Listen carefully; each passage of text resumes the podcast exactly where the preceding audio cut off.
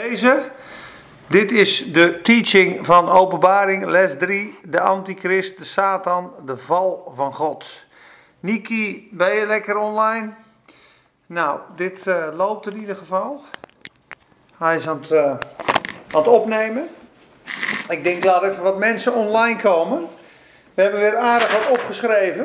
Het is allemaal spiegelbeeld, dus er heen niks aan. Maar... Uh, Openbaring 12, 13, Daniel 7, Daniel 8. Wat teksten door elkaar. Het bestaan, de origine van de Satan, gaan we het over hebben. Waar komt hij vandaan? Wat was zijn plan? Wat is zijn doel? Hoe gaat hij straks in die eindtijd mensen verleiden, misleiden? Chris en Janneke, Jeroen Heijnen, Maria Nagel, de kaasboer, Niek, zeker. Goed bezig, maat. Leuk dat je er bent. Uh, ik heb hier nog wat dingen opgeschreven. De grote rode draak, overkoming, Ezekiel 28, Jezaja 14, 2 Korinthe 11, Daniel 7. Nou, we gaan wel zien waar we naartoe gaan en uh, waar we uitkomen. Maar uh, ja, we gaan beginnen zo, over een minuutje. Dus we zijn lekker aan het streamen. En we zien wel het heen gaat. En dan komen we op een heel ander onderwerp, dan is het nog goed, hè? Soms ben ik een beetje gespannen, dan denk ik, het moet allemaal goed, het moet allemaal perfect, jongen, het moet allemaal perfect. Maar uh, we doen lekker ontspannen. Halleluja. We beginnen met gebed. En uh, mijn kuif heb ik weer mooi glad gestreken, zie je dat? Ik kijk mee voor het eerst, Henk de Graaf. Nou, Henk de Graaf, van harte welkom. Ik kan straks wel een korte inleiding voor je doen. Uh, maar wij hebben, het eerste, wij hebben het over het boek Openbaring. En wij uh, hebben de eerste les gepraat over Jezus. de openbaring van Jezus Christus. En hoe die nou ja, van alle kanten belicht wordt. Hè? Als de Amen, als de morgenster, als de engel op de wolk. Als degene die de gemeentes uh, liefdevol oordeelt. Ja, als de grote rechter van de aarde, de majesteit, dan gingen we naar Johannes. Daar is hier het licht, daar is de deur, hij is de opstanding, hij is de, de weg, de waarheid en het leven. En uh, nou ja, de tweede les deden we eigenlijk over de oordelen. De oordelen over de kerk, de oordelen over de wereld, de oordelen over Babylon, de oordelen over Satan en de oordelen over de doden.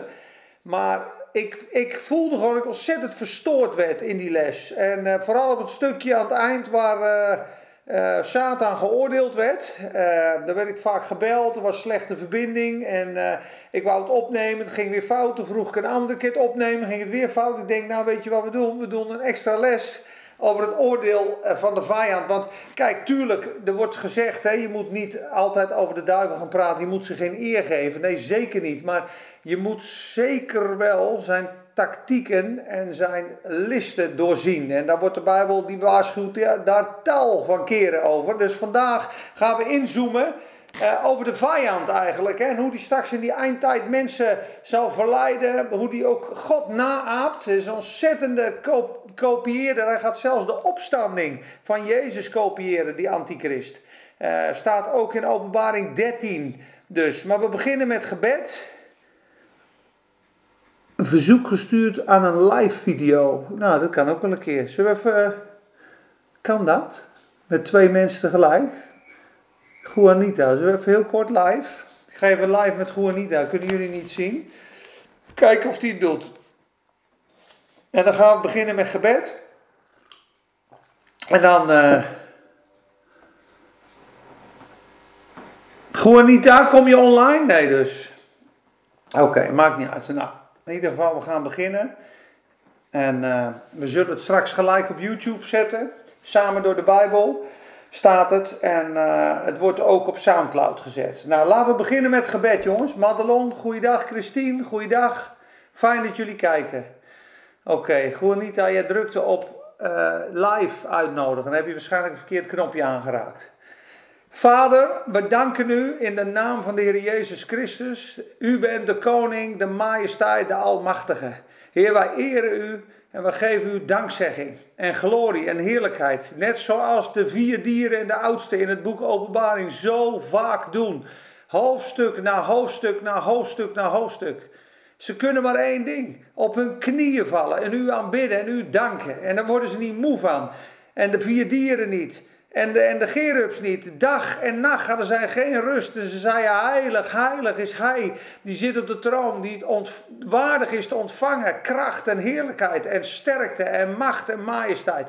U, Heer Jezus, verhogen wij. Wij, wij gaan u, Heer Jezus, ja, de eer geven die u toekomt. En wij vragen uw zegen ook, Heer, over het onderwijs. Want we kunnen veel zeggen, maar uw geest en uw spreken moet erin zijn. Heer, u weet alle geheimen. U bent het woord zelf. Wij zijn ontzettend benieuwd, Heer, naar wat we vanavond gaan horen van u. Ook ik, want ik zeg vaak dingen die ik niet eens zelf uh, gezien had. Of ik hoor mezelf dingen zeggen. Ik vind het geweldig. Heer, we geven u dankzegging en eer. Ik bid voor een ieder die hoort. Ik bid, Heer, dat ons hart geopend wordt. Heer, onze ogen geopend worden. Dat ons geloof versterkt mag worden. Dat we verfris en bemoedigd, verfrist en bemoedigd en bekrachtigd mogen worden in u. Heer, dat we opreizen tot, tot volwassen kinderen van God. Want Petrus zegt, als pasgeboren baby's verlangt naar de onvervalste melk van het woord. Opdat gij daardoor mag groeien. Indien gij maar geproefd hebt dat de Heer goede tieren is.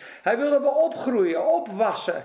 Dat perfecte, wedergeboren kind van God is heilig en rechtvaardig. Maar God wil dat we opwassen tot die volwassen man. Die heerst over Satan. Die heerst over de situatie. Als die koning en die priester, zoals we ook vorige keer besproken hadden. Heer, zo bidden we u zegen. We danken u voor uw liefde en uw offer aan het kruis. U die ons lief gehad hebt en ons gewassen heeft in uw bloed. Zo staat het er die ons koning en priesters gemaakt hebt. Wij zegenen uw heilige naam. Wij danken u voor de zalving van de Heilige Geest. Wij danken u voor de kracht en het zaad van het geloof. En aan ieder die dit hoort, lopend in de polder of over drie maanden. Heer, we bidden dat dit woord uitgaat. Een zaad dat nooit ledig weerkeert, zegt Jezaja 55. Totdat u doet wat het gezonde heeft. Hij zond zijn woord en genas hen. Zend uw woord. Wat zegt de psalmist? Zend uw licht en uw waarheid. Dat zij mij leiden naar uw altaren, heren. Heren, dank u wel. Wij prijzen uw naam. Amen. Halleluja. Zo is het. Nou, ik hoop dat jullie pen en papier bij je hebben. Want er komen heel veel teksten langs, maar ik ben nog niet zo technisch dat ik allemaal kan wisselen en met een bord en allerlei dingen kan opschrijven. Dus uh, David, ben je er ook weer? Fantastisch. Dus ik zou zeggen, pak een uh, pen en papier. Dan is het niet erg, want je kan het ook naluisteren. Je kan het ook nog een keer zelf nalezen. Een goede tip bij het boek Openbaring te lezen is het boek Daniel. Dan zie je ontzettend veel parallellen. Daniel 7, 7 Daniel 8, Daniel 9 en 10, vooral Daniel 11 voor de antichrist, Daniel 12, de eindtijd, staat er zo duidelijk. Dan zul je zien wat Daniel toen in zijn droom zag, dat ziet Johannes ook. En de oudste vandaag en hoe de troon eruit ziet en die engelen. 20.000 maal 10.000, 10.000 tallen, precies hetzelfde aantal. En Daniel die spreekt over de vier dieren. En die spreekt over. Uh, de eerste dier had een hoofd van een man. En van een leeuw. En van een rund. En van een adelaar. Die vier dieren voor de troon. De vier evangeliën. He, Matthäus is Jezus als de koning. Dat is de leeuw. Dan is het tweede evangelie Lucas. Of Marcus evangelie. He, Matthäus Marcus hardwerkende, dienende rund is Jezus daar. Hij doet daar de bediening. Elk hoofdstuk begint bijna met en, en, en, en. Met andere woorden, actie, actie, actie, actie. Marcus is een boek van de bediening van Jezus. Staan de wonderen in, de krachten als meest beschreven. Dan Lucas, de zoon des mensen, wordt Jezus daar genoemd. Dat is het derde dier. Die had het aangezicht als een man de zoon des mensen. Ook zijn register in Lucas is vanaf de mensen. En in Johannes is die God, de adelaar, van boven. Hij, hoe is het Pierre? Geweldig dat je kijkt. Ehm, dus de vier dieren zijn vier afspiegelingen van de Heer Jezus Christus. Staan beschreven in Daniel, Reinier Zeil, goedenavond. En ze staan beschreven in openbaring. Dat was zomaar een bonus aan het begin. Halleluja. Nou, het is een profetisch boek. Openbaring is voor sommige mensen erg moeilijk. Waarom? Omdat er heel veel inlegkunde en verzinsels bij komen. Maar als je Bijbel met Bijbel uit gaat leggen en de beelden die door de hele Bijbel gebruikt worden bij een bepaald profetisch beeld, dan kan je die puzzelstukjes makkelijker op zijn plek leggen. Als er gesproken wordt over bergen uh, of wateren, dan spreekt het vaak over de natieën. de zee en het land. Het land is vaak Israël. De zee is waar de demonen in zitten en waar de wereld is. Dus de, de, er staat de hoer op vele wateren, staat er ook daarna uitgelegd in datzelfde hoofdstuk 17. Zij zit op vele wateren, wat zijn natieën en volken en talen en stammen. Sommige dingen staan heel duidelijk uh, uitgelegd, andere dingen zijn wat moeilijker. een beer, een luipaard en een leeuw in Daniel. Goed, gaan we niet allemaal heel diep op in. Hoeft ook niet altijd. We hoeven ook niet alles te snappen. Maar waar het om gaat, wat het hoofdpunt is, is dat het, hoofd, het boek Openbaring is een boek van de aanbidding van God. En het leger van God, de overwinnaars die straks Satan uit de hemel gaan sturen. En dan de tweede deel van de zeven jaar, drieënhalf jaar zware verdrukking. En Satan met zijn beeld en zijn beest en zijn opstanding die de mensen verleidt, die een leger maakt om God te vernietigen, tegen die mensen te, uh, tegen God te strijden. En het leger van God, die straks op paarden achter Jezus aan, de antichrist, zullen vernietigen en oordelen. En die oordelen van Jezus zijn niet mals hebben we uh, gezien en uh, alles gedaan. Het lam is voor ze gestorven. De zegels gingen open in hoofdstuk 6. En we hebben vorige keer besproken, ja, dat zijn wel elf hoofdstukken. Ik weet niet of je ze gelezen hebt, maar daar word je stil van. Hoofdstuk 6 tot hoofdstuk 16 ongelooflijk veel heftige oordelen over de aarde. En, en, en vooral de vijfde, zesde en zevende wee. Oh jongens, wat staat daar allemaal? Nochtans bekeerden de mensen zich niet. Laatste vers van hoofdstuk 9. En daarna komt natuurlijk de schalen. En uh, ik vind uh, de, de, vijfde schaal vind ik altijd leuk. Als ik dat lees, dan, dan lees je openbaring 16 vers 10. En dan staat er, and the fifth angel poured out his vial. De vijfde engel keerde zijn schaal uit op het koninkrijk der duisternis. En op de Satan en zijn troon. En hun hele koninkrijk werd verduisterd. En zij kouden hun tongen van de pijn. Denk ik schitterend. Engeltje 5. Die klappen we er even overheen. Maar goed. Halleluja. Uh, we beginnen te lezen in Openbaring hoofdstuk 12. Ja, hoofdstuk 12. En uh, dat doe ik uh, omdat daar eigenlijk voor het eerst ingezoomd wordt over de boze wat, wat hij gaat doen en uh, wat er gaat gebeuren. En dat, dat, ja, goed, daar willen we even op inzoomen. We willen kijken naar hoofdstuk 12, hoofdstuk 13, misschien hoofdstuk 17, misschien een stukje van Daniel, ik weet het niet. Ik heb hier echt veel uh, geschreven en uh, ik hoop nou ja, dat, wij, dat we ergens komen en dat jullie er heel veel aan hebben. mocht je je afvragen, ze vragen wat het thema is. Het thema is vanavond, ja, dat is eigenlijk heel duidelijk, is dus de, de val van Satan. Dus het, de val van Satan, het oordeel op Satan en de antichrist. En zijn origine, dus waar hij vandaan komt, uh, zijn plan, uh, zijn tactieken en zijn uiteindelijke verdoemenis door God. Hoofdstuk 20, vers 10. Toen werd Satan gegrepen en geworpen in de poel des vuurs, waar ook het beest en de valse profeet zijn. Zij zullen dag en nacht gepijnigd worden tot in alle eeuwigheden. De Satan is absoluut in de poel des vuurs. Het is alleen nog niet openbaar geworden. Dat is heel bijzonder. Mandy Netherlands, zo, kijk jij ook mee. Nou, we zijn midden in de Bijbelstudie. Dus uh, je bent van de kerk, dus het zal je als muziek in de oren klinken. Ik begin te lezen in hoofdstuk 12, Openbaring 12. En er verscheen een groot teken in de hemel. Een vrouw bekleed met de zon en de maan was onder haar voeten en haar hoofd, op haar hoofd een kroon van twaalf sterren. Ik zal je straks zeggen wat het is. En ze was zwanger en schreeuwde het uit in barensnood en in haar pijn om te baren. En een ander teken zag ik in de hemel. En zie, een grote vuurrode draak met zeven koppen en tien horens. En op zijn koppen zeven diademen of kronen. En zijn staart veegde het derde deel van de sterren van de hemel en wierp die op de aarde.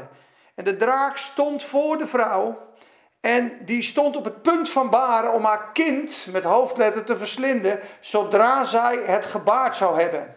En zij baarde een zoon, een mannelijk kind, dat alle heidevolken zal hoeden met een ijzeren staf.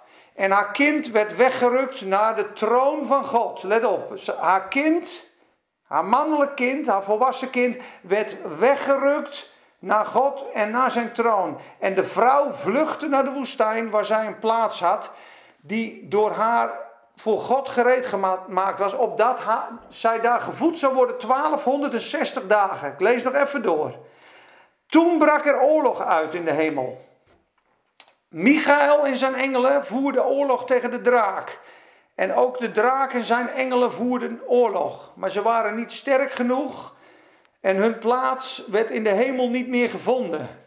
Goed opletten, hun plaats werd in de hemel niet meer gevonden. Dus in de toekomst komt er een tijd dat de plaats van Satan in de hemel niet meer gevonden wordt, wordt hij op de aarde geworpen. Dat is een diepe geestelijke waarheid. Als die op de aarde geworpen wordt, weet hij dat hij nog een weinig tijd heeft en is hij woest en gaat hij de mensheid verleiden, verslinden en er zijn, geloof het of niet, zelfs christenen nog op de aarde die achterblijven, die dat is een moeilijk punt om uit te leggen. We gaan daar niet te moeilijk over doen. Maar ik zal je straks vertellen: er zijn christenen die Jezus navolgen waar hij ook gaat. Die in het leger van God zijn. En er zijn kinderen van God die Jezus uh, lief hebben. Maar ook nog heel veel wortels in de wereld hebben. En uiteindelijk wil God dat we de wereld overwinnen. De Satan overwinnen. Dus zij die rijp zijn, die getest zijn Ga met Christus in het leger. Zij die niet rijp zijn en nog steeds ehm, een levensstijl hebben die niet volledig in overeenstemming is met wat God wil voor hen, die, zal ik je straks laten zien, zullen een deel van de verdrukking door moeten gaan. Zullen onthoofd worden. Er staat duidelijk in Daniel, de uh, Satan werd macht gegeven om oorlog te voeren tegen de heiligen. Tegen de heiligen. Maar goed, dat straks meer. Laten we het niet te ingewikkeld maken, want straks uh, dan uh, raken jullie in de war. alles op zijn tijd, snap je?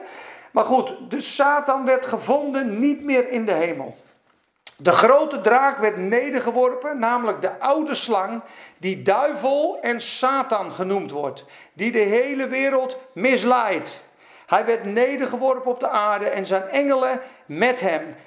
Toen hoorde ik een luide stem in de hemel. Nu is gekomen de zaligheid, de kracht en het koninkrijk van onze God en de macht van zijn Christus. Want de aanklager van onze broeders, die hen dag en nacht aanklaagde voor onze God, is neergeworpen.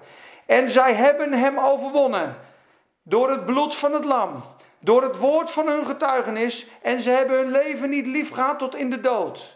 Daarom verblijdt u hemelen en u die daarin woont. Wee hun die op de aarde en de zee bewonen, want de duivel is naar beneden gekomen. Zie je, hij wordt uit de hemel gegooid naar u toe in grote woede omdat hij weet dat hij nog maar weinig tijd heeft. Dit is het tweede deel van de grote verdrukking. Drieënhalf jaar gaat hij, komt hij, hij komt op de aarde en dan gaat hij de, de, de tweede drieënhalf jaar gaat hij de christenen en de mensen gaat hij vervolgen en persen.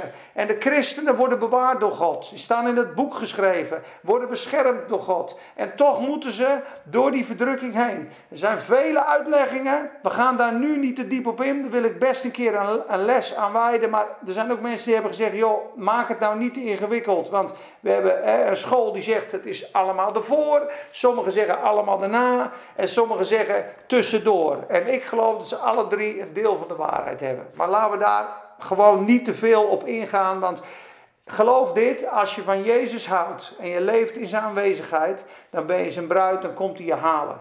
Ja, ik heb het voornamelijk over mensen uh, die bijvoorbeeld in Lucas 21 staat, uh, die, die, die denken mijn Heer vertraagt, ik ga eten en drinken met de wereld, ik ga ruzie maken met mijn broeders en zusters. En dan kan die op een moment komen dat je het niet verwacht. Hij zegt, zie ik kom als een dief. Uh, openbaring 16 vers 15.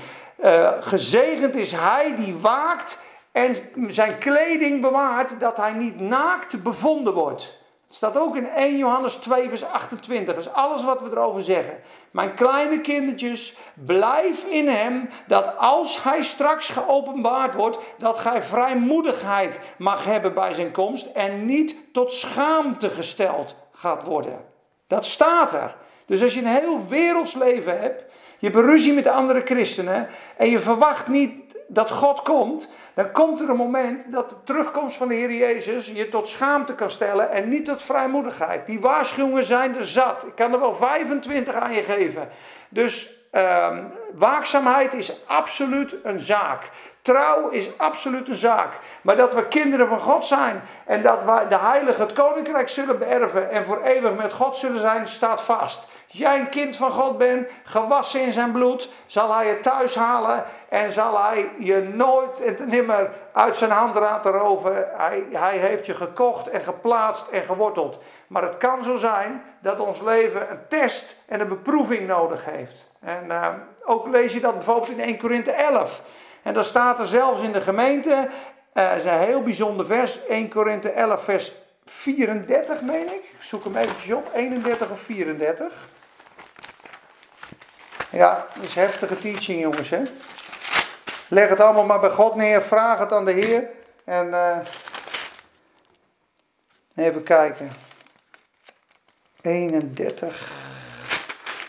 1 vers 11. Even kijken hoor. En er moeten ook. Ja, 19. 1 Korinthe 11 vers 19. Let op. Want er moeten ook afwijkingen in de leer onder u zijn, opdat wie beproefd blijken te zijn in uw midden openbaar komen. Er staat een andere vertaling, er moeten ook ketterijen, afwijkingen van de leer onder u zijn, opdat blijkt wie echt is en wie niet echt is. En het geloof, wij allemaal als geloven zullen een test krijgen. En de test gaat bepalen of je wortels in God zitten of dat je wortels niet in God, God zitten. Een geloof wat niet beproefd is, is geen waarachtig geloof. Dus we worden allemaal beproefd. Dus stel je vertrouwen op God vandaag, dan heb je de proef doorstaan.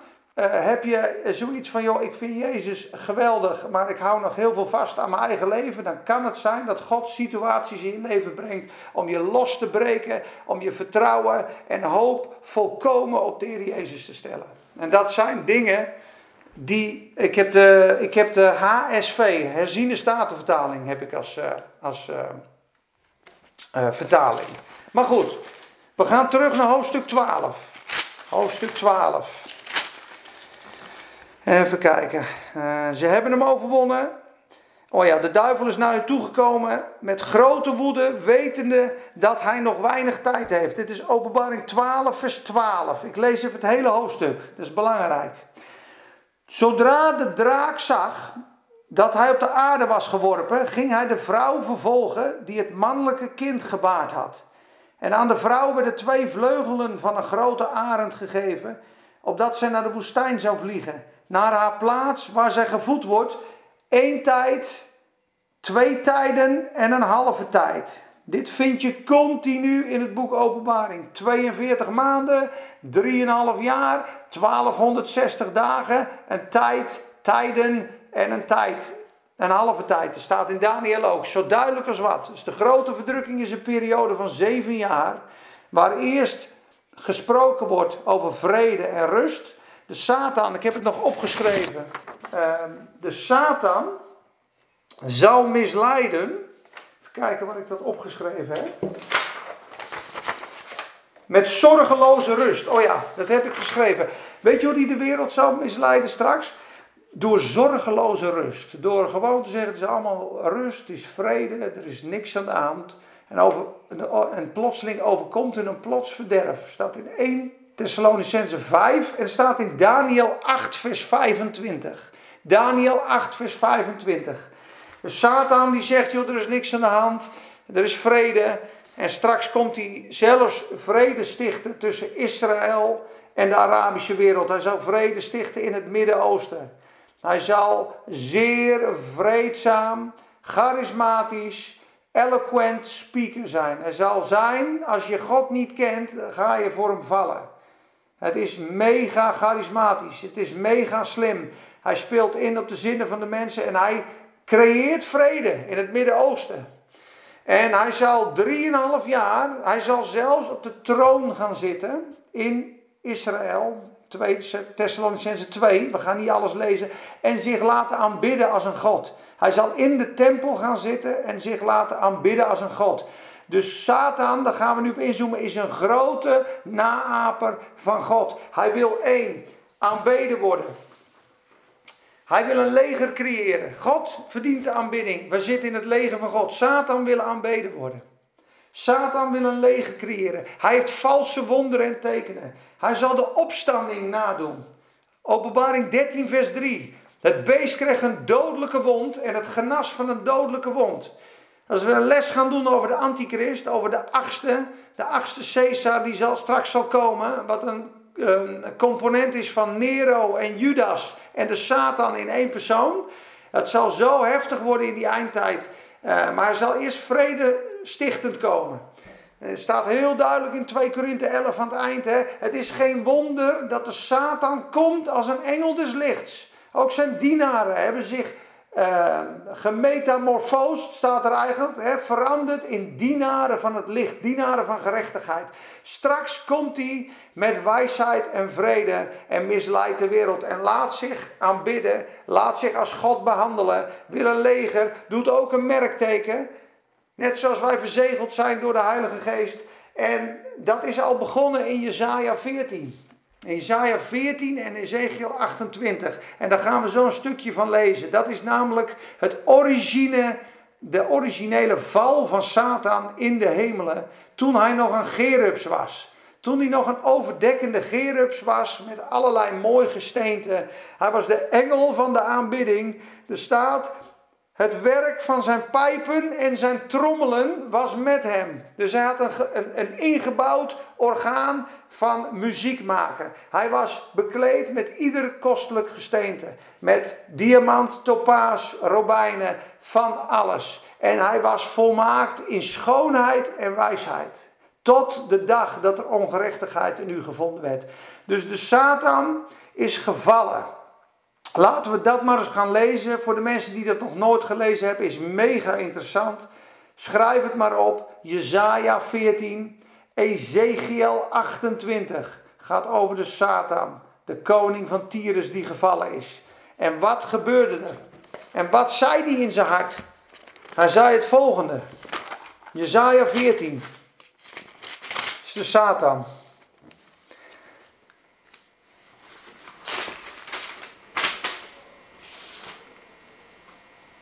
Gaat over Babel, Babylon. Dat is ook een hele les, jongens. Het Babylon gaan we ook een keer behandelen. Is zo heftig, jongens, het boek Openbaring. Het geestelijke Babylon, het materiële Babylon en het oude Babylon, wat straks terug gaat komen. Het Romeinse Rijk, de macht van de heersers van de aarde. Maar het begint in vers 12. Jezaja 14, vers 12. Hoe bent u uit de hemel gevallen, morgenster, zoon van de dageraad. U ligt geveld op de aarde, overwinnaar van de heidevolken. Want u zei in uw hart, let op, dit is wat Satan zei. Ik zal opstijgen naar de hemel. 1. Tot boven Gods sterren. 2. Ik zal mijn troon verheffen. 3. Ik zal zetelen op de berg van de ontmoeting aan de noordzijde. Ik zal opstellen, opstijgen boven de wolkenhoogte en mij gelijkstellen aan de Allerhoogste. Dit is wat hij zei toen hij jaloers werd. Toen hij zag dat God aanbeden werd, wilde hij zelf aanbeden worden. En hij was in Ede, in de hof op aarde. Met mooi gesteende. En hij regelde de aanbidding voor de schepping op aarde tot God. Daarom zegt hij: Ik zal opklimmen ten hemel. Hij mocht daar komen voor de troon, staat er. Staat in Ezekiel 28. We gaan niet alles lezen. Maar hij had toegang tot de troon en elk geheim van God. En dat was om de schoonheid en de heerlijkheid van God bekend te maken. En die aanbiddingsengel was hij. Echter staat er, u bent in het rijk van de dood neergestort, in het diepst van de kuil. Wie u zien, kijken u aan en letten op u. En er staat er, is dit nu de man die de aarde deed sidderen? Is dit nu de man die de koninkrijken doet beven? Zitten ze, zullen ze straks in de eindtijd zeggen dat Satan is maar een klein figuur, maar heeft de hele wereld misleid. En ze zullen hem zien en zeggen ze, is dat het? Was dat hem? Was dat degene die de koningen en de aarde misleidde en de koninkrijken deed beven? Ja, dat was hem. En hij komt als een vredestichter, als een messias, als een valse messias. En als je niet gewaarschuwd bent en je kent Jezus niet en het woord van God niet, ga je mee als het zand der zee, als stroop, vliegen op stroop. Want zo zal hij het brengen. Als er één is die kan verleiden, is het Satan. Satan is zo listig, mensen, dat hij Adam en Eva uit een volmaakte heerlijkheid van het paradijs heeft weten weg te lokken. Satan heeft in de vreedzame omgeving van de hemel het voor elkaar gekregen om een derde van de engelen te laten rebelleren tegen God. Zo listig. De listigheid van de slang begon in Genesis. En de cruelty, zeggen ze, de meedogenloze, sadistische, vernietigende werking van de draak, dat is zijn andere aspect. Dus hij is listig als een slang, vernietigend als een draak. Hij is een aanklager. Hij is een tegenstander. Hij is een misleider. Hij is een leugenaar. Hij is een vader van de leugen. Een kindermoordenaar. Van, mensenmoordenaar van de beginnen. Satan is erop gericht om zijn eigen koninkrijk op te richten. Om aanbeden te worden. En hij wil de Messias zijn. Hij wil God zijn. En hij doet er alles aan om God en het Christ, de christenen kapot te maken. Hij, hij, heeft het volk van God, haat hij, de Israëlieten. Vanaf het begin van de wereld is hij bezig geweest door Kain om het zaad te vernietigen. Door de farao om het zaad te vernietigen waar het vandaan kwam met het kind Mozes. Met Herodes, alle jongetjes die vermoord werden, was hij al achter het zaad aan. Hij wilde de Heer Jezus kruisen aan het kruis. Maar 1 Korinthe 2 vers 8 zegt, als ze de prinsen van de heerlijkheid, de prinsen van de duisternis geweten dat ze de prins, de koning van de heerlijkheid gekruisigd zouden hebben, zouden ze het nooit gedaan hebben. Ze wisten niet dat toen ze Jezus kruisigden, dat ze hun eigen ondergang tegemoet gingen. Dat ze dat helemaal verkeerd gezien hadden. Ze dachten, nu hebben we hem. Maar toen was de klap voor hun uh, te groot. En ze zijn eigenlijk gepakt door de Heer Jezus in zijn zwakheid. Hij was op met Pasen werd hij geslacht aan het kruis, het paaslam. Kijk, een wijsheid die niemand van de leiders van deze wereld gekend heeft. Immers, als zij die gekend hadden, zouden zij de Heere der Heerlijkheid niet gekruisigd hebben. Staat in 1 Korinthe 2 vers 8. Als de Satan wist dat God door zwakheid en naakt aan een kruis alle zonde op zich zou nemen en daardoor de dood en de straf en het oordeel bij ons weg zou halen en Satan zou vernietigen, zouden ze hem nooit gekruisigd hebben. De Satan dacht, ik heb Jezus, ik heb hem vernietigd. De zoon, de erfgenaam, maar hij stond op uit de doden. En daarmee ontwapende hij Satan. Colossense 2. Hij heeft de Satan ontwapend. En nu zegt Jacobus ook zo mooi, zij sidderen. De duivel weet dat hij verslagen is. Hij heeft het grote oordeel te pakken gekregen. Straks wordt hij in de poel des vuurs gegooid. Maar weet je wat zijn doel is? Hij weet dat hij verslagen is. Hij wil zoveel mogelijk slachtoffers met zich meenemen. Hij wil zoveel mogelijk mensen bij God vandaan trekken. En daar doet hij alles aan. Dat doet hij alles aan. Dat doet hij met films, dat doet hij met drugs, dat doet hij met ruzie, met vreemdgaan, met seks, met geld, met leugens, met diefstal, met moord. Hij gaat rond als een briesende leeuw, zoekende wie hij kan verslinden. Dus daarom ben ik ook deze series gaan doen. Steve, goeiedag. Duke Lievert, hoe is het? Margreet, goedenavond. Ramon uit Volendam. Nee, weet je, ik ben die series gaan doen om enkel en alleen maar te laten zien vanuit het boek Openbaring wie Jezus is, wie de Satan is en wat de toekomst brengt. En dat God gigantisch van mensen houdt en er alles aan doet om ze te redden en ze veilig te stellen en ze te koesteren. En dat Satan als een beest exact hetzelfde uh, doet, het tegenovergestelde. Die wil mensen vermoorden, wil mensen wegtrekken. En zijn koninkrijk gaat ten gronde. Ze willen allebei. Uh, hij wil een koninkrijk. God heeft het koninkrijk van het heelal. Dus je moet het goed zien. De strijd tussen de Satan en God gaat over de regie in het heelal. Wie regeert er in het heelal? Is het God en zijn kinderen in licht, liefde en gerechtigheid? Of is het Satan met zijn boze demonen en, uh, en mensen die hij misleid hebt onder dwang en dictatuur en angst en moord en doodslag? als je, er staat zelfs in de, in de einde der tijden, eh, het is verschrikkelijk, openbaring 13. En ieder die niet knielde voor het beeld van het beest, werd gedood.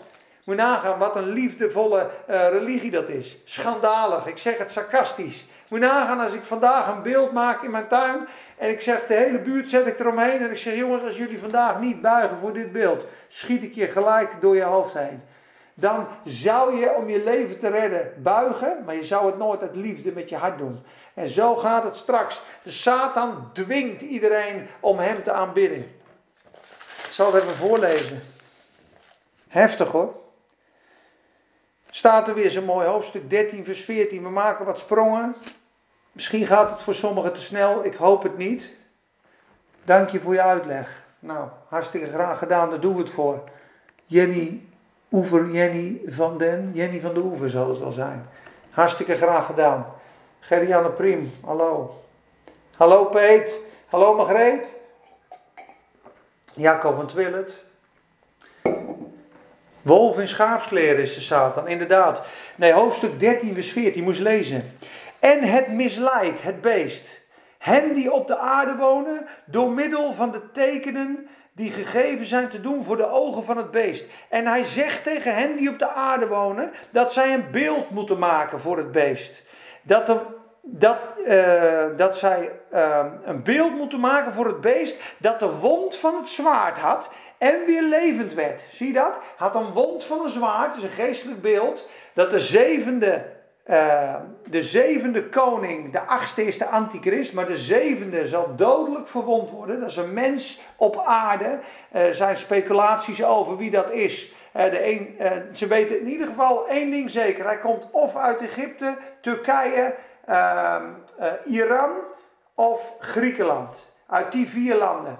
Dat is het rijk van Alexander de Grote, wat uit elkaar gevallen is. Eén ding is zeker, uit één van die vier landen komt de antichrist. Het is een levend persoon op dit moment. En de geest van Satan zal in die persoon komen. En er zal bovennatuurlijke wijsheid vrede stichten in het Midden-Oosten. En iedereen zal zeggen, nou dit is, dit is de Messias. Zelfs de Joden zullen hem aanvaarden als de Messias. Dus sommigen uh, zeggen zelfs, nou dan moet hij uit Israël komen, anders zullen ze hem nooit aannemen. Ja, sommigen zeggen hij komt uit Syrië, maar laten we dat gewoon eventjes niet doen, al die speculaties. Maar er is een man, die, die zal straks vrede stichten op de aarde, die zal vermoord worden. Die zal een dodelijke wond hebben. En de Satan zal in hem komen en dat lichaam opwekken. Dat zag je ook in die laatste bezuinserie met die 30 boeken en die films. Hij wordt opgewekt. Hij doet de opstanding van Christus na. Dat staat hier heel duidelijk. We moeten een beeld maken voor het beest dat de wond van het zwaard had en weer levend werd. En hem werd macht gegeven om een geest te geven aan het beeld van het beest. Dus er is straks een beeld wat opgewekt wordt, wat zelfs door de wonderkracht van Satan gaat spreken en praten. Waardoor de hele wereld zegt: wow, wow, wow, wow, wow, wat is dit? En het zou maken dat allen die het beeld van het beest niet zouden aanbidden, gedood zouden worden. En het maakt, dat beest, dat allen, kleinen en grote, rijken en armen, vrije en slaven, een merkteken op hun voorhoofd of op hun rechterhand krijgt. En een ieder, of het getal van zijn naam, het getal van het beest, en een ieder die dit merkteken niet aanneemt, zal niet kunnen kopen, nog kunnen verkopen. Nou, je kan bijna wel zeker voorstellen hey Els, je zit te denken, schat, hè? We hebben het over openbaring, lieverd. Els het horen, de kunstige schat. We hebben het over openbaring in de eindtijd. Lees je Bijbel, bid elke dag en uh, luister uh, gewoon mee. En als je het niet snapt, dan komt het vanzelf een keer. 100%. Maar uh, je moet het zo zien: de Satan gaat straks iedereen dwingen hem te aanbidden. Doe je dat niet, word je gedood. Doe je het wel, ja, maakt hij ook nog dat je een merkteken krijgt ja, op je voorhoofd of op je hand. En uh, als je dus uh, kiest om hem niet te aanbidden, kan je dat merkteken niet ontvangen, kun je niet kopen en niet verkopen. Nou, je kan met mij best wel concluderen dat als wij over een aantal jaren geen papiergeld meer hebben en alles giraal en virtueel zal zijn, dat het niet moeilijk is als een bank of een verzekeringsmaatschappij zijn nu niet betaalt als die je uitzet. Ik, ik heb een Tesla, laten we zeggen dat ik een rekening bij Tesla niet betaald heb. Ik denk dat ze op afstand mijn auto uit kunnen zetten. Nou, het zal zo zijn dat de Satan dwingt iedereen hem te aanbidden. Dwingt iedereen het beeld te aanbidden en je zo bij God vandaan te trekken en in zijn koninkrijk te trekken. In zijn koninkrijk van duisternis. Dat is zijn plan. Hij zoekt en verslindt als een leeuw, terwijl God is gekomen als een lam. God is aan het kruis, is die naakt en zwak geworden en heeft ons gekocht en betaald met zijn bloed. En straks zal Jezus, dat lam, zal de leeuw worden die die Satan verscheurt. En hij zal het oordeel brengen over de Satan. En daar zijn we gigantisch blij mee. Onze zonden zijn vergeven door het bloed van het lam, zeggen we elke les. Hè? Daar worden, worden we blij van. Onze zonden zijn vergeven door het bloed van het lam. En uh, de Satan is verslagen door de leeuw van Juda. Het andere aspect van Jezus. Dus de Satan zijn we van verlost en de zonde zijn we van verlost. Daar word je blij van. Dan kom je in de vrijheid, dan krijg je de Heilige Geest, dan ga je ogen open, dan ga je de Bijbel lezen en dan ga je het allemaal zien. En dan denk je, joh, die strijd is zo gaande. Satan vervolgt het volk Israël. Hij vervolgde de zoon aan het kruis. Hij vervolgde het door Iran. Hij vervolgde het door Saddam Hussein. Hij vervolgde de Israëlieten door Hitler. Hij zal hen straks weer vervolgen. Hoeveel landen zijn er nu nog niet tegen Israël? Van de Arabische landen. Die Iran, Iran heeft uh, zelfs kernkoppen op uh, Israël uh, gericht. En straks zal het zo, zo erg worden dat alle landen, lees Psalm 83, schrijf maar op, Psalm 83. Ze zullen een verbond maken, alle landen, de Levant, ja, laat ons een pact, een confederation maken, dat wij zorgen dat Israël stopt de natie te zijn. Laten we ze van de kaart vegen. Staat in Psalm 83. Dan gaat Israël roepen naar God. En uiteindelijk zal God hen redden met een grote, machtige wervelstorm. En zijn hand zal hen wegvagen in een uur tijd. Ze zullen Israël de zee in gaan drijven. Waarom? Omdat Israël de oogappel van God is. Omdat God een plan heeft met Israël. Dat zie je ook in hoofdstuk, uh, hoofdstuk 11 volgens mij, of hoofdstuk 14. De 144.000 doen we een andere les. God heeft een plan met Israël. En het is zijn oogappel. En de Satan vervolgt dat volk al vanaf de grondlegging der wereld af. En wij zijn de geestelijke kinderen van God. Wij zijn het geestelijke Israël. Dat staat ook zo duidelijk in de Bijbel. Dus hij vervolgt ons ook. En straks, je zag het al met ISIS. Ja, hoe ze de christenen vervolgen. Nazarene, die N die op die huizen neergezet werd. Ze kregen een brief. We komen over drie, drie maanden komen we langs of drie weken. Zorg dat je uit je huis bent, want we vermoorden je. En je zag hoe barbaars ze, ze te werk gingen. En je kan wel nagaan dat als straks die grote verdrukking aanbreekt. En de kinderen van God uh, moeten vluchten in alle kanten. En natuurlijk zijn de kinderen van God die uh, uit de uren verzocht worden. Maar er zullen ook mensen op de aarde blijven uh, die, nou ja, laten we zeggen, of tot geloof komen op dat moment, of tot besef komen dat ze toch niet de Heeren dienden zoals ze dachten dat ze moesten dienen. Laten we daar op, op houden. Ja? Maar de Satan zal de christenen vervolgen tot aan de dood toe. En dat is echt wat de Bijbel zegt. En die tijden gaan uiteindelijk komen. Wat is het gele gevaar, Peter? Julian Duist, ja, dat weet ik niet. Dat, ze zeggen dat het China is. Maar één ding weet ik trouwens wel. En dat is heel heftig. Dat staat ook echt in openbaring. Dat straks is ongekend dit. Hoofdstuk 20, vers 2 en 3. Dat de Satan gebonden wordt voor duizend jaar. En hij wordt vastgezet in de abyss voor duizend jaar. Dan wordt een koninkrijk op aarde gevestigd met Christus op de troon. Duizendjarig vrederijk. De Satan is gebonden. De leeuw zal spelen met de baby, staat er. En de adder, nee, de adder met de baby en de leeuw zal stro eten. Het is een duizendjarig vrederijk. Maar na de duizend jaar moet de Satan nog een korte tijd losgelaten worden. Hoofdstuk 20, ja? Hoofdstuk 20, vers 7. En wanneer die duizend jaar tot een einde gekomen zijn, zal de Satan uit zijn gevangenis worden losgelaten. En hij zal uitgaan om de volken, wat staat er, te misleiden. Staat hij weer. misleiden. Constant in openbaring misleiden. En de duivel die hen misleidde. En hij misleidde. En hij misleidde en hij misleidde en hij misleidde. Door vrede en rust. Door wondertekenen. Wat zal hij doen? Hij zal uitgaan naar de vier hoeken van de aarde. Gog en Magog. Dit is 100% Moskou.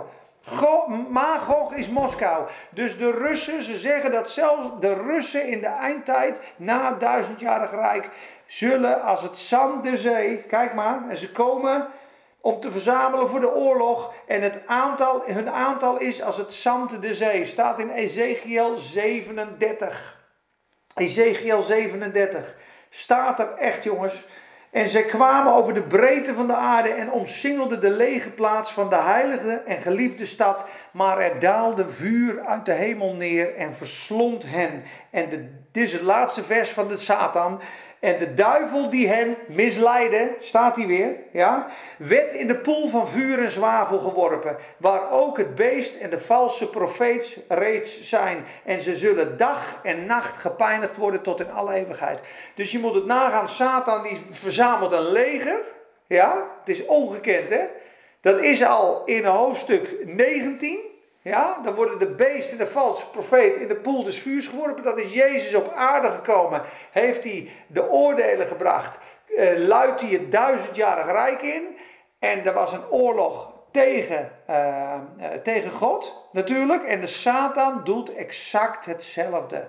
Nadat hij duizend jaar gebonden is. Weer creëert hij een leger. Ja, zit hij net vast? Jongen, inderdaad, Steve. Waarom wordt hij weer losgelaten? Om te beproeven, dat staat er hè. En hij zal, uh, even kijken, hij moet, dat staat er, uh, Steef. Uh, let op, dat staat in hoofdstuk 20, vers 3. Eerst staat er, de engel greep de slang, en dat is de duivel, en bond hem voor duizend jaar. En wierp hem in de afgrond en sloot die met een verzegelde, uh, en verzegelde de afgrond, opdat hij de volken niet meer zou misleiden. Staat hij weer, hè? Totdat de duizend jaar tot een einde gekomen worden. Daarna moet hij een korte tijd losgelaten worden. Ja? Hij moet namelijk de mensen, één, die geboren zijn in dat duizendjarig rijk, ja, en de mensen die in dat rijk uh, uh, uit de verdrukking gekomen zijn, die, zijn, die hebben het volk en de kinderen van God geholpen. Die zijn in het duizendjarig rijk gekomen, die hebben nog nooit de beproeving en de test doorstaan. Dus daarom laat God Satan aan het eind van de duizend jaar los om te zien, om te beproeven wie echt is. En dan zie je de ware gelovigen zullen zich vastklampen aan God. Ja, kom alleen maar door vervolging komt een christen alleen maar dichter bij God. Maar iemand die niet in God geworteld is en die niet echt is, dat komt openbaar als Satan losgelaten wordt. Als de beproeving en de strijd en de druk groot wordt, dan komt eruit wat er van binnen in je zit. Dat hebben ze ook wel eens gedaan in een kerk in het buitenland. Toen waren er een paar mensen die hebben zich verkleed als uh, terroristen. En die zijn de kerk ingerend met, met, met mitrailleurs. Ik weet niet waar het ergens was, waarschijnlijk in Afrika.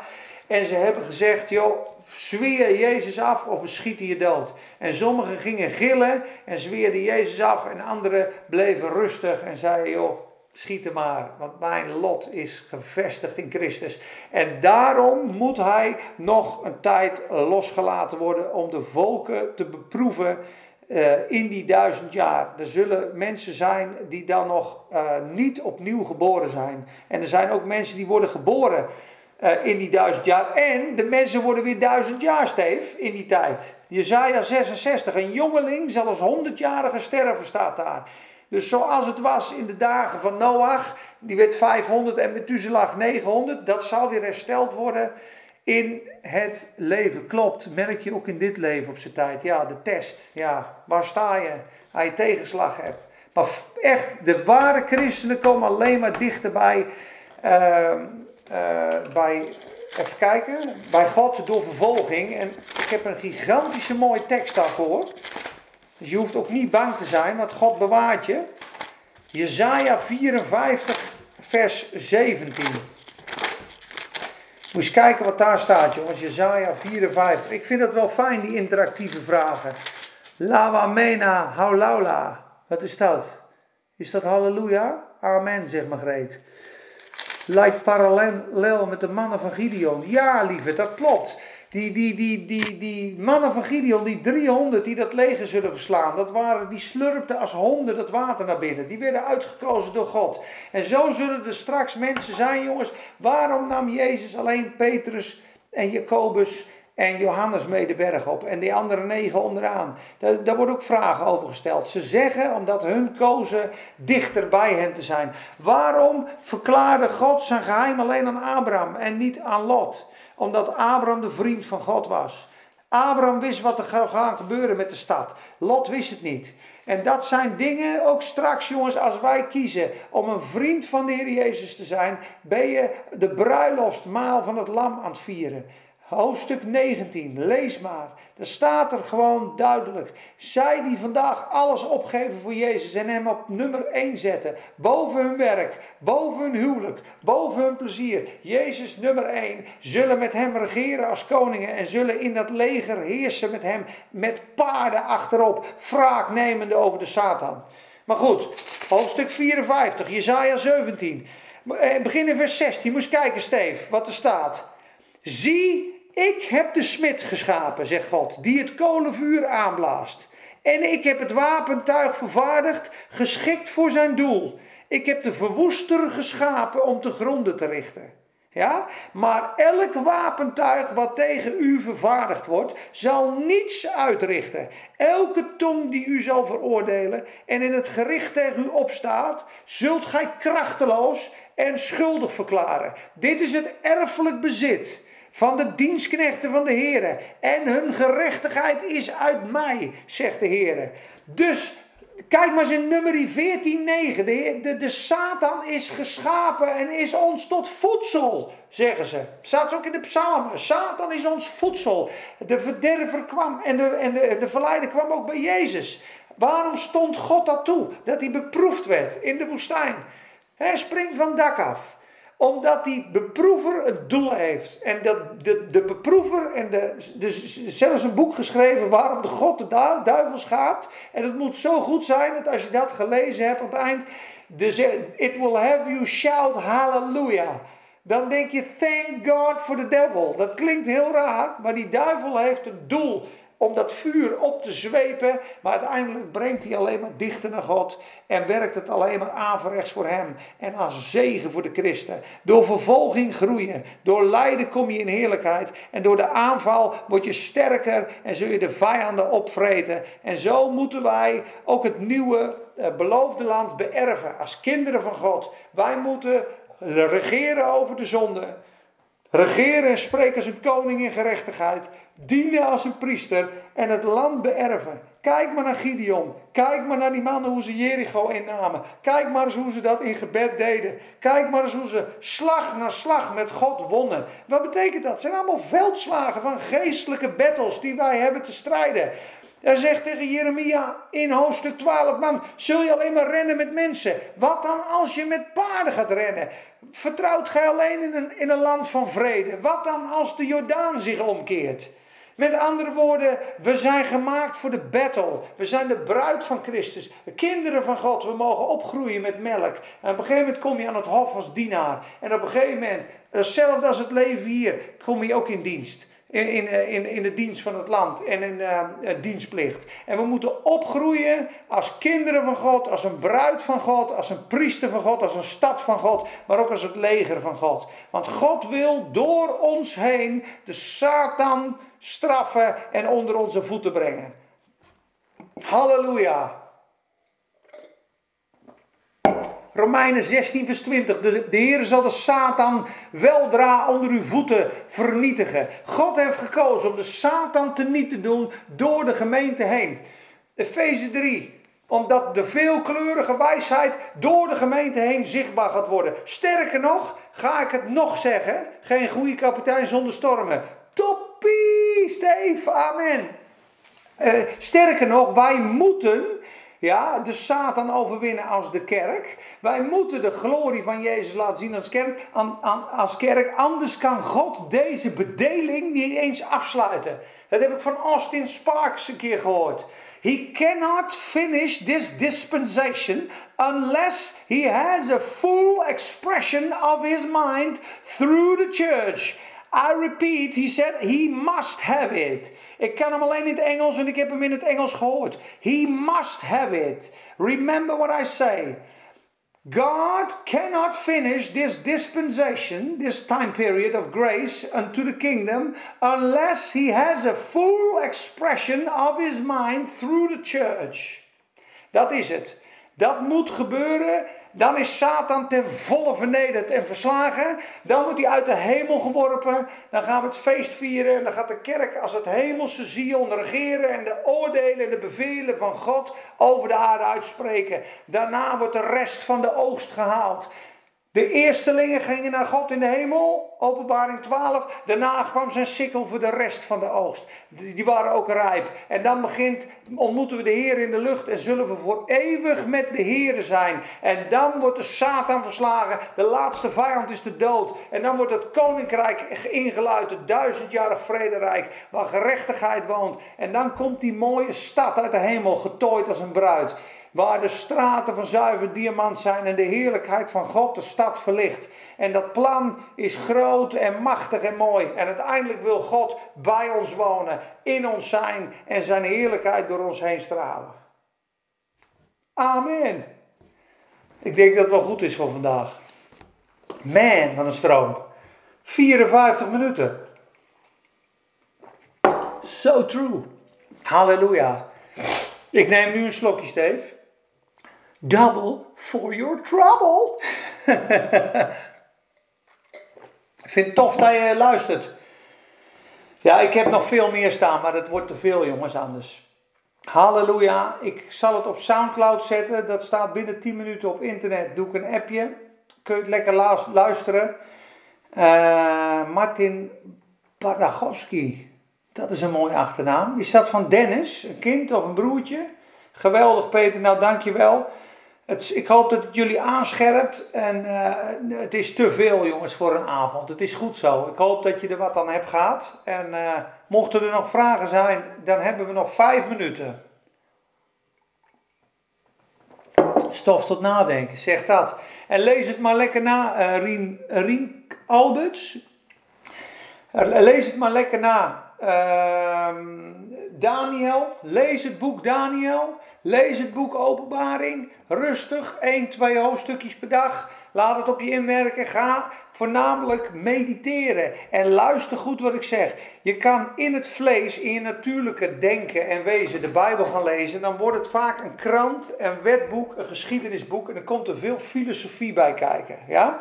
Als je in een geest van aanbidding en een gebed de Bijbel leest. Ja, met een open hart nadat je bidt, Heere, open mijn ogen, de ogen van mijn hart voor de wonderen van uw woord.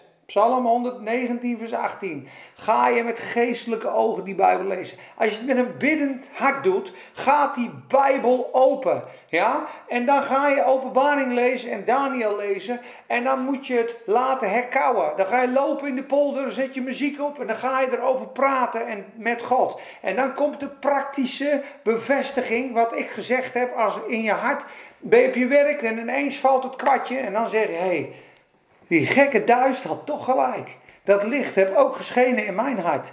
Halleluja, de Bijbel gaat open. Rijk is het woord. Amen. We danken de Heer Jezus. We danken u Heer. Halleluja, even bijkomen.